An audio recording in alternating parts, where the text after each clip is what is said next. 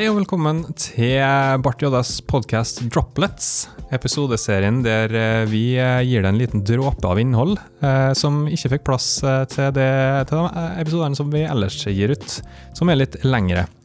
Mitt navn er Marius, og i dag er det min tur å presentere et tema for panelet som sitter som vi skal diskutere kjapt og gærlig om. Og det jeg har lyst til å snakke om i dag, er følgende. Angler og View og React har jo for ikke så lenge siden kommet med helt nye versjoner, major-versjoner. Og jeg er litt nysgjerrig på hvilke tanker dere gjør dere for hvorvidt dere burde oppgradere til de versjon, nye versjonene som kommer. Mikael? Uh, det er et stort spørsmål, føler jeg. Altså, på overflate er det et enkelt spørsmål, sant? for at du oppgraderer i det øyeblikket får det, men um, du oppgraderer på kanskje Det, det kommer Og, og svaret Jeg endrer, jeg, jeg, må gi, jeg må gi meg mer og mer kontekst som er tingene. Um, først så må vi se på hva slags uh, uh, bedriftsdel du er i. I som konsulent er ofte med kunder som skal, som skal ta tekniske valg for kundene sin beste over lengre sikt. Som betyr at eh, jeg mener i hvert fall at du må være mer nøktern i enkelte valg, som gjør at du ikke kan eh, risikere eh, hovedgeskjeftet til, eh, til, selskapet du jobber for, fordi din egen nysgjerrighet i et rammeverk er sant? Jeg syns ikke det er høvelig, da. Så det betyr at jeg ofte er mer eh, nøktern i introdusering av nye ting for å få vekk barnesykdommer. En annen ting er eh, sideprosjekt. Og, og, da er jeg gjerne liksom sånn på RC- og beta-stadiet. F.eks. på eh, selskapet vårt, Marius, mm. eh, sin nye eh, nettside. nettside. Hjemmeside, eller så sier man det. Mm. For det 2000-talls måte å omtale det på. Ja. Der bruker jeg nå Webpack-betaen i, i, i ja, fem, ja. For å prøve ut det og finne ut om det funker for oss. For da minimerer jeg risikoen, sant. Mm. Så det, det, handler i stor grad om hvor kan du eh, være med og bidra på å eh, finne eh, potensielle feil og bidra til det, versus når skader du forretningsverdien til det, hvor du er. Kan du skade forretningsverdien? Da er det ikke da er det ikke tida til å være cowboy og, og, og, og sånn, løse dine egne problem. Da er du her på vegne til noen andre. Mm. Føler jeg, da. Ja. Hvilke tanker har du, Alfonny? Nei, jeg, jeg kjenner ikke så mye til Angular, da. Men jeg har sittet og, og tulla litt med View i forbindelse med eh, å, å, se på det nye De også har jo hooks nå. Eh, for View 3 kommer jo snart. Um, og da har de en ny, ny sånn setup-metode. Um, for man definerer jo vanligvis komponentene sine som um, et objekt der man har litt data eller state, og så har man templatet sitt. Mens nå er det en sånn setup-funksjon der man har liksom hooks, da. Eh, og det jeg syns er litt fascinerende der, er at de, de klarer på en måte endelig å merge det konseptet med Vil du uttrykke det som et templat, eller vil du uttrykke det med JD6-syntaks? da? Eh, problemet er at eh, um, hvis du bruker templatet og bruker disse hookene, så kan du eksponere state direkte og bare bruke det. Men når du eh, skal bruke JD6, så returnerer du en um, funksjon fra denne setup-metoden der du skriver JD6-en din, akkurat som det var en funksjonskomponent i React.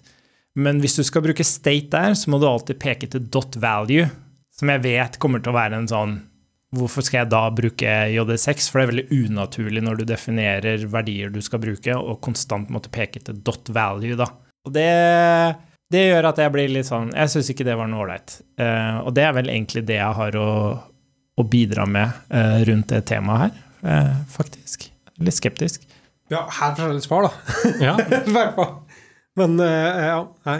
Jeg innser at på en måte sånn um, Svaret mitt krever en viss form for nyanse. At, at um, prøver å oppgradere kontinuerlig, sånn at du ikke blir liggende bakpå flere versjoner. Mm. Det er viktig for meg. Mm. Men jeg trenger heller ikke å være den første som gjør det.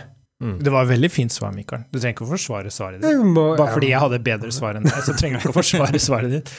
Tryggestad? Ja, altså Før Mikael kom med denne presiseringa her nå, så skulle vi til å si at de var litt motsatt av eh, han. Eh, man må ha litt risiko i hverdagen, føler jeg. Eh, så jeg er kanskje en av dem som oppgraderer relativt tidlig. I hvert fall hvis jeg har et eller annet pain point som jeg ser at den nye versjonen potensielt kan løse, så oppgraderer jeg for å sjekke om det løser, og hvis det gjør det, så hender det at det ryker inn i master. Um, men nå har jeg jobba veldig masse med kunder som ikke har uh, produktet sitt i produksjon, ikke har hatt det i produksjon lenge, og at man gjerne har sånn beta-kunder, altså Så de er litt mer klar over at ting kan brekke, da. Uh, så sånn sett så har jeg kanskje ikke kjent så masse på den følelsen om at du, du ikke kan brekke noe, uh, koste hva det koste vil. Men jeg tenker det, er relativt viktig å holde seg oppgradert, da. I hvert fall eh, ikke henge veldig langt bakpå, for da Ja, det- blir det bare en sykt stor jobb å komme seg opp på toppen igjen. Ah, her- ja, Det er jeg absolutt enig i. Um, kanskje litt sånn å, å banne i kirka, men uh, jeg har jobba en del med f.eks. å hoppe over store major-versjoner i EP-server på som som- ja, noe helt annet enn det vi egentlig vanligvis snakker om. Um, og hvis du lar det gå for lang tid, så det er det større risiko igjen enn å hoppe over på versjoner.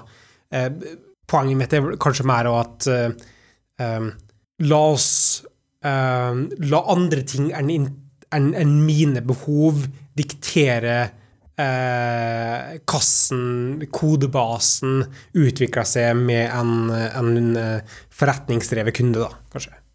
Er det tid til å stille spørsmål? Vær så For jeg syns det er interessant det der med uh, det å være veldig nøktern. Det er litt sånn synonym på å være litt sånn kjedelig. Ja, jeg føler meg kjedelig ofte.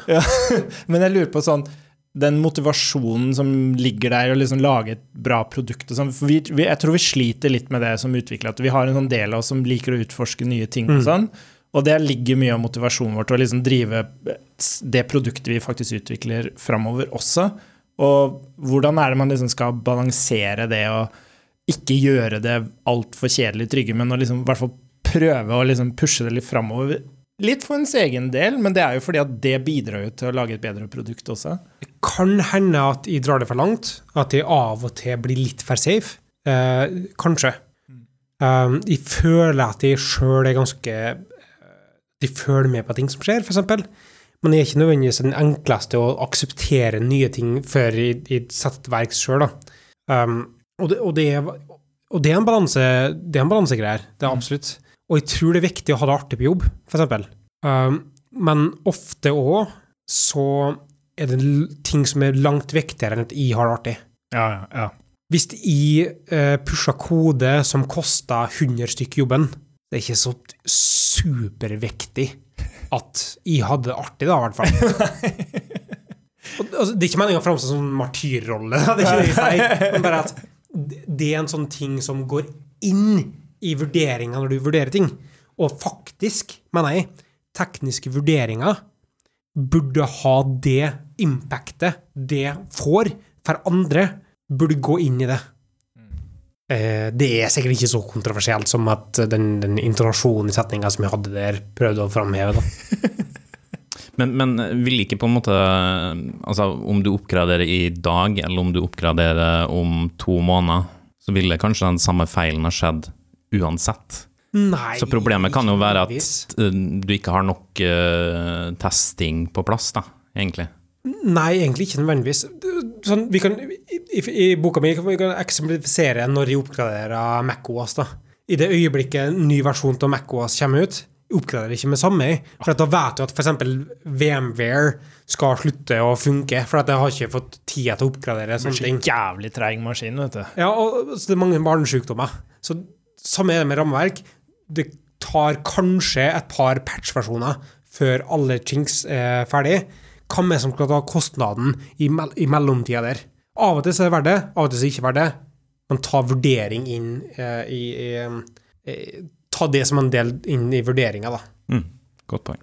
For dere som lurte på eh, når de skulle oppgradere rammeverket de bruker, så er altså svaret fra oss eh, det samme som eh, mye annet innen javascript. Det kommer an på.